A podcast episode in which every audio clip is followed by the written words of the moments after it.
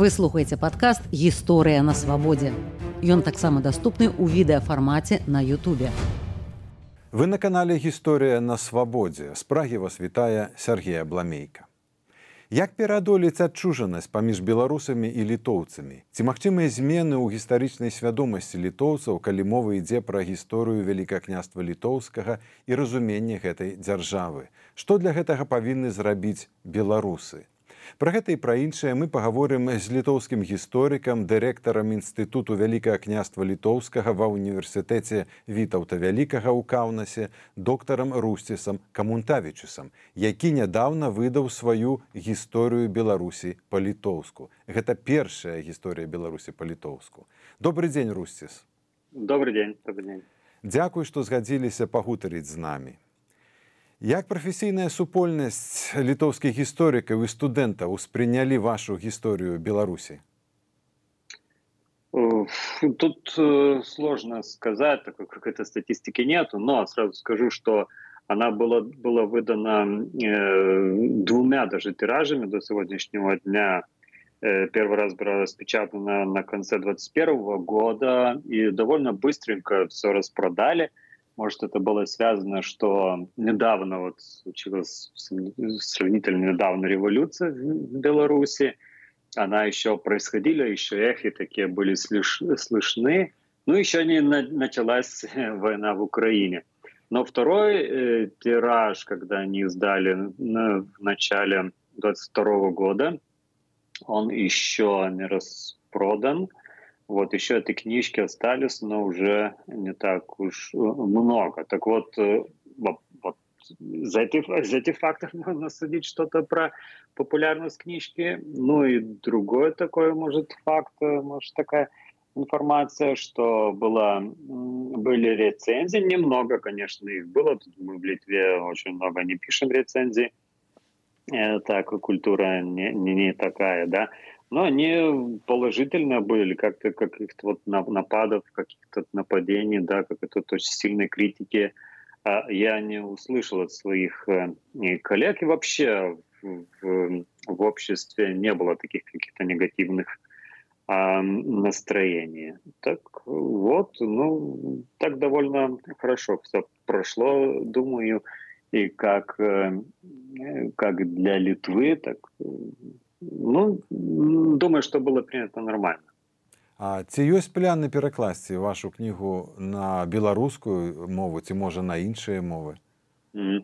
Ну, значит, тут такая специфика, что я эту книгу писал для литовцев. Э, то есть я ее сделал так, чтобы вот читатель, такой типичный литовец, который закончил литовскую школу, который учился э, истории Литвы, да, по-литовски, а в историю Литвы же большую часть входит история Беларуси. Вот чтоб он, читая эту книжку, э, что-то понял про Беларусь, да, потому что у нас же э, была такая ситуация, что вот мы не писали, не говорили и вообще игнорировали Беларусь очень долгое-долгое время.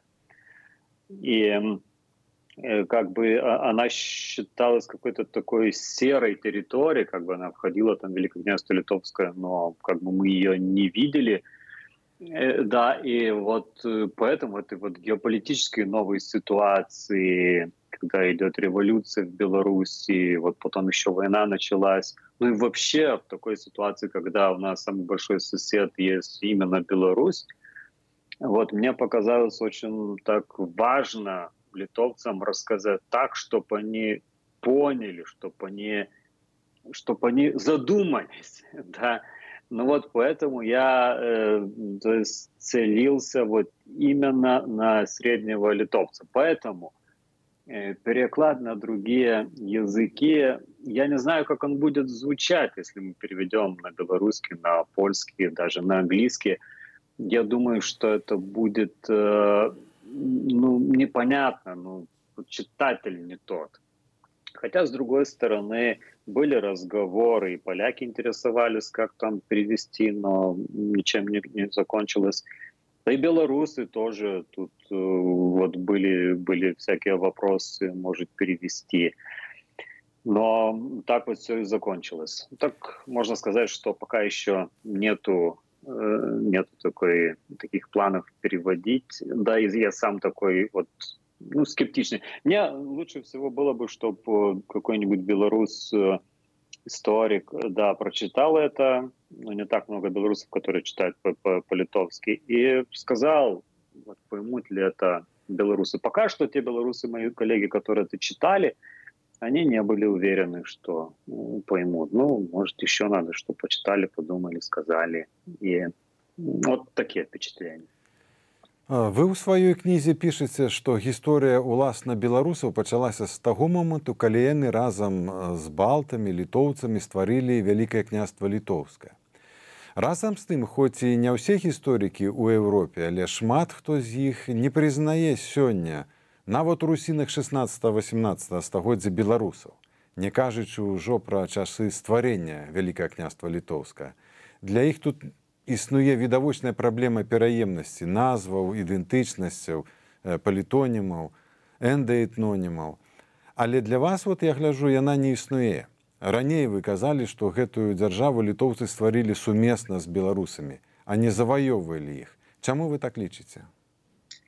Ну не все точно так как вы сказали вот, в моей книжке а, то есть э, я думаю, что... Я читал ну, еще я некие, писал... пробачьте, я читал еще некие ваши интервью, конечно, о проча книжки. Какие... Э, да, но, но конкретно в книге, да, конкретно в этой книге э, «История Беларуси» я начинаю историю белорусов намного раньше, чем Великое княжество Литовское.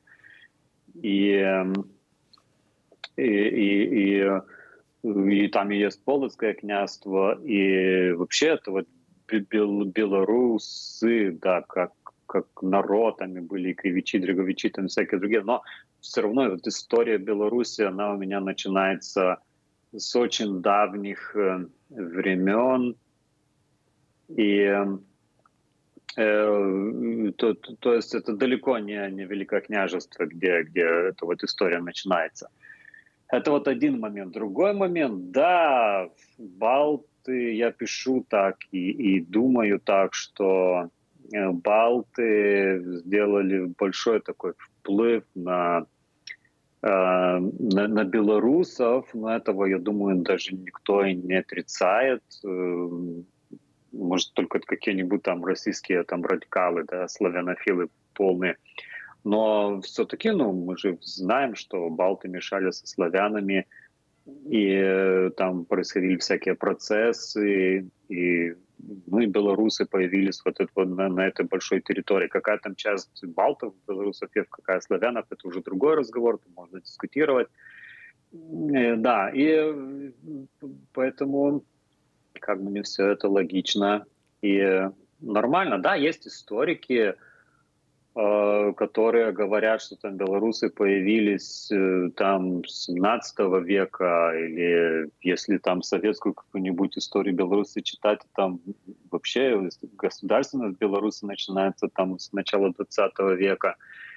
Э, да, ну, вся, вся, то есть всякие рассказы бывает, и тут зависит, может, историков от, от групп каких-то школ, да, как, как это интерпретировать.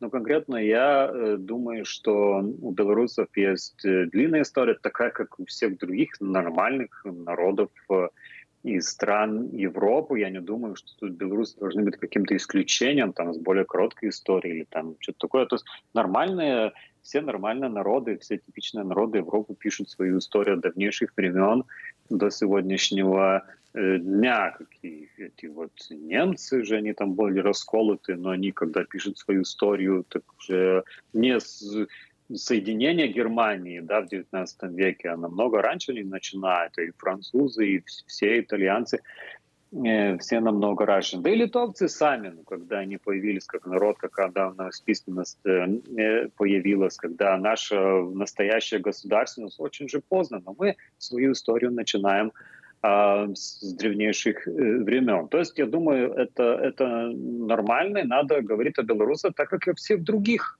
да, зачем делать какие-то исключения и делать их историю короче. Ну, вот никакого аргументации я тут не вижу. Может, для россиян, для России это и актуально, скоротить как можно больше историю Беларуси и вот сказать, что перед тем, как появились белорусы, там все были русины, русские или там часть России или еще что-то.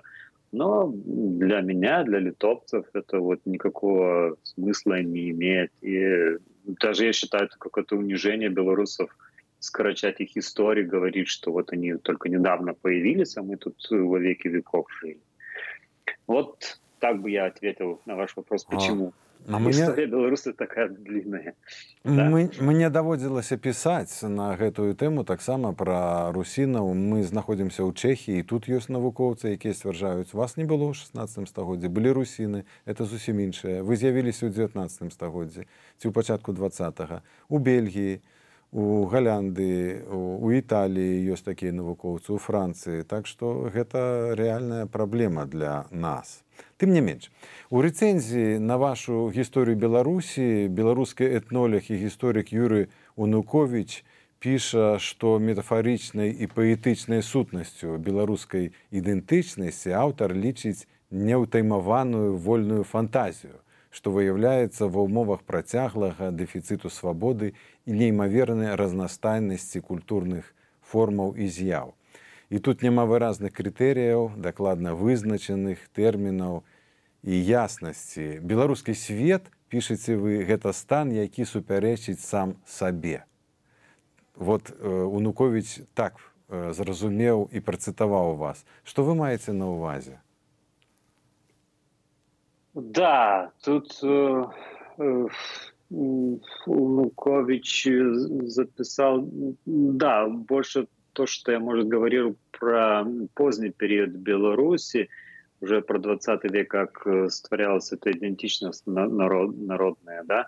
Но, в принципе, то я как вижу у белорусов, и я как вот что хотел сказать, так это в первую очередь по сравнению с литовцами, да, потому что литовец, он очень ясно знает, кто он такой, он очень строго, э, строго так понимает, да, очерчивает себя. То есть литовец тот, который говорит на литовском языке, да, тот, который живет вот тут в Литве, тот, который знает специфичную вот э, историю Литвы, да, литовцы знают одну историю, в принципе, Литвы, там, где очень ясно описано, кто там наши друзья, кто враги, там, и так далее, какие самые важные битвы, какие наши герои самые великие, и так далее, и так далее. То есть литовец очень ясно понимает, кто он такой. Вот и когда этот литовец сталкивается с белорусом, так он видит, что вот самый большой шок, что белорус может говорить и по-русски, и по-белорусски, что белорус в этом как бы какой-то большой проблемы нету, что у белорусов есть и вот советское наследие, и, и это вот демократическое, которое вот тоже до конца непонятно, вот литовцу, почему это вот советское наследие должно иметь какие-то позитивные черты, да, потому что у нас это очень строго негативно все. Почему вот одно время может и советское быть и хорошее, и плохое? Почему в одно время Беларусь может, э, вот как делали в 2010 году, около 2010 года, они отстроили белорусы в одно время и музей Второй мировой войны, да, и э, палац э, Радзивиллов вот в одно время у них Вторая мировая война и э, наследие Великокняжества Литовского. Э, и в одно время они отстраивают, например, вот как в Витебске очень хорошо выражено, да, и эти вот церкви Вильнюсского барокко 18 века, где символ Великокняжества Литовского и западной культуры. И в том же самом Витебске перед этой церковью стоит э, памятник Ленину. И эм, и вот в одно время Беларусь может быть и католиком, и, и этим православным, да, и в одно время. То есть, ну, такие, вот и как вот в, в, в Радуне, э, помню, с литовской группой поехал, и, и, там, и там главная улица, кириллицей написана белорусской кириллицей улица Ленина, а латинкой та же самая улица внизу записана улица Кощельна на польском языке. То есть, ну, э, это вот никак не вкладывается в голове у, у литовцев. Поэтому литовцы никогда не понимали, и я думаю, что долго не поймут белорусов, как это возможно. Как э, такие против, противоречивые вещи могут быть э, в одном человеке, да, в, в одной нации. И поэтому тот язык, даже которого я выбрал, чтобы описать э, белорусов, историю Беларуси, он такой есть через метафоры, через э, какие-то вот сравнения, такие, ну, через язык символики, да, а не конкретного рационального языка какой-то говора. И э, вот что я имею в виду. Это, это один из вариантов, как описать белорусов белорусы как культура оксиморона, противоречащая само себе. И вот этого, кстати, это не только литовцы вот не понимают белорусов, и вот надо искать таких вот описаний. Не понимаете вот эти западные э, да, исследователи, которых вы упомянули, там, Бельгии, в Чехии и так далее, которые говорят про русинов и так далее. Но да, они и не понимают, как это может быть. Да, поэтому они и говорят, что вот у вас очень молодая история, что вы какие-то недозрелые, вот как бы вам скажут многие историки в Западной Европе, которая нация полусформулировалась, какая там не, молодая нация, да, какая-то без, без, без какой-то вот окресленной идентичности, какая-то между Западом и Востоком, между Россией и Польшей там, и так далее, и так далее – вас всегда так все описывают, не понимая и не, даже не пытаясь понять, что такое Беларусь и какая ее суть. Вот. Я думаю, это плохая дорога. Я думаю, надо пробовать понимать Беларусь такая, какая она есть, а не между чем-то, между там и кем-то и наполовину такое, наполовину такое несозревший. Это, это никуда не приведет. Вот, и поэтому я и начинаю историю Беларуси намного раньше, чем все другие, или, или нормально, так как все другие нации начинаю. И поэтому я, но, но я ищу, как рассказать вот человеку, у которого все ясно и все по полкам, как, как рассказать про нацию, которая есть другая, у которой идентичность есть другая, чем у нас, в принципе другая. Вот, поэтому вот все это и появляется. А, Нядаўна выпускнік гістарычнага факультэту БДУ Тимофея Кудович напісаў у фэйсбуку пост пра літоўцаў і беларусаў. Ён напісаў, што не можа зразумець, чаму паміж гэтымі двума народамі, якія шмат стагоддзяў жылі разам у адной дзяржаве і мяжа паміж якімі ўзнікла толькі 32 гады таму, існуе такая вялікая адчужанасць. Ці згодныя вы з гэтымі, чаму гэта так? І ці ёсць магчымасць гэта пераадолець? Да, да, это, конечно, это сложно как-то с этим спорить. Да, разницы очень есть большие, но все-таки я думаю, что они поверхностные. Я даже один текст написал, но снова, по-моему, только на литовском языке, где я показывал, насколько у нас много общего, да, вот именно между литовцами и белорусами. И это общее не только в ментальных структурах, но и просто в ландшафте, в краеобразии, да, Беларуси и Литвы. Наши, наши города, маленькие, особенно города, выглядят так, так, так само, да, такие же самые. Это большие такие костелы 18-вечные с двумя башнями, маленькие домики, хаотично разброшенные, деревянные, одна- или двухэтажные. Такого краеобразия нету нигде в Европе, это только в Литве и Беларуси. Но и ментальная структура наша очень похожа, тут только подольше надо было бы говорить. Э, то есть эти вот разницы, я думаю, они, во первую очередь, они только в поверхности. В глубине мы очень-очень э, близко один друг к другу. Вот. А эти поверхностные разницы, они э, появились из-за того, что, э, во-первых, у нас был межвоенный период, э, когда эти 20 лет э, между Первой и Второй войной у нас не было границы – И тогда литовцы очень быстро развивались, но без э, соприкосновения со славянскими своими соседами, да, потому что граница с Польшей была перекрыта, там ну, формально шла война, весь межвоенный период между Литвой и Польшей.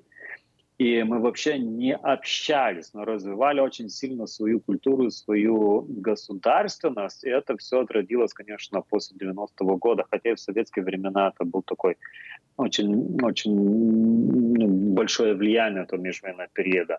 Э, результатом этого было то, что мы начали считать э, белорусов и вообще славян чем-то ниже, да, культурно и цивилизационно ниже, чем мы сами – и эм, про просто не общались, не интересовались, э, просто игнорировали, да, и поэтому вот это вот, э, это вот э, отчуждение, которое началось после Первой мировой войны, оно длилось вот, длится до, до сегодняшнего дня. Вот этот межвоенный период, то, что он, он сделал очень много, то есть плохого для наших, для наших этих Э, связей, но с другой стороны, конечно, в Литве скажут, что он был очень хороший, и, конечно, это объективная причина так говорить есть, конечно, потому что у нас вот была государственность, и мы потом имели что отстраивать, и очень хорошо понимали, что такое жить э, независимо, да, после 90-го года. Вот, это один момент, межвоенный период. Второй э, момент, почему такие разные, это языки язык все-таки это другой мир, это другая ментальность, это вообще все, все, все, все, все, все по-другому. И э, у нас в Литве так получилось, что у нас идентичность э, с начала 20 века, э, ну, значит, более всего была связана именно с языком. То есть ты литовец, потому что ты говоришь э, на литовском. То есть все другие люди, даже э, вот ассимилированные литовцы, тутейшие там всякие, или вот эти белорусы, которые жили на границе с Литвой, даже если они были, себя считали ассимилированными литовцами, или мы их считали ассимилированными литовцами, все равно мы их не считали частью своей нации, потому что они не говорили на литовском.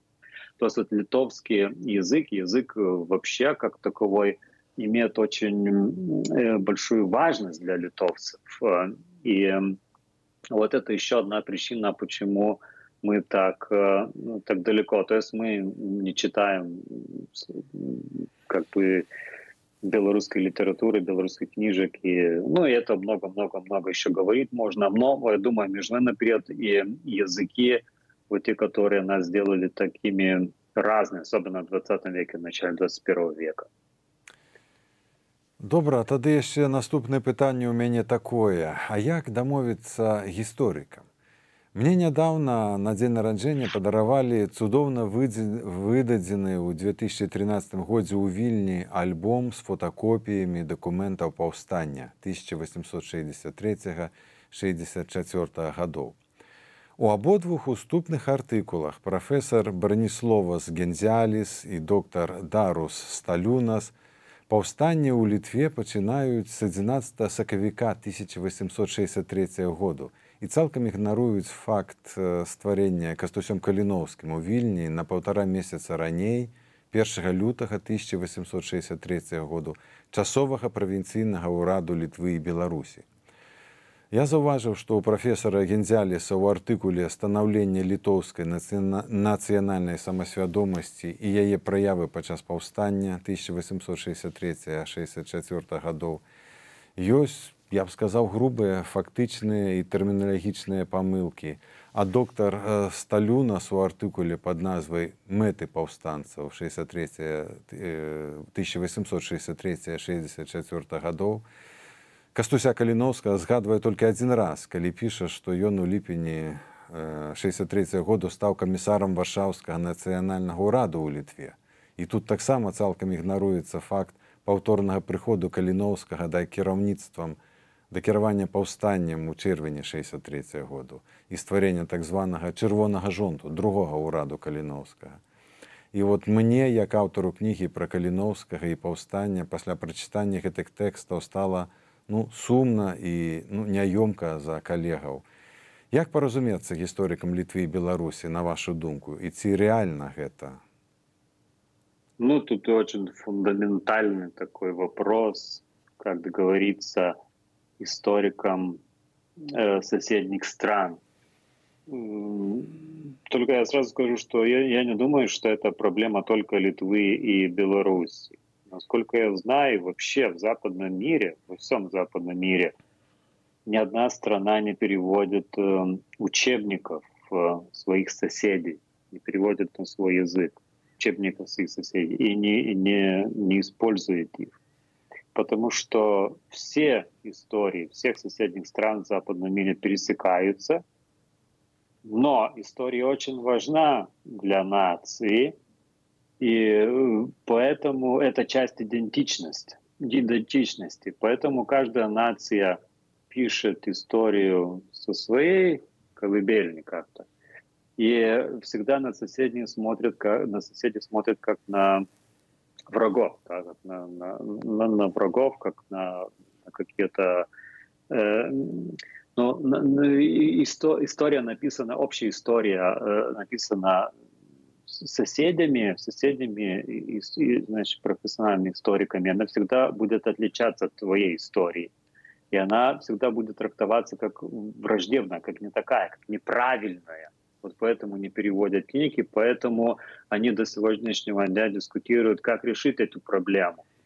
Да, как вы сказали, одна, одна из решений есть э, посадить э, к общему столу вот этих историков соседних стран, чтобы они договорились, да, как писать, вот, например, по Калиновского.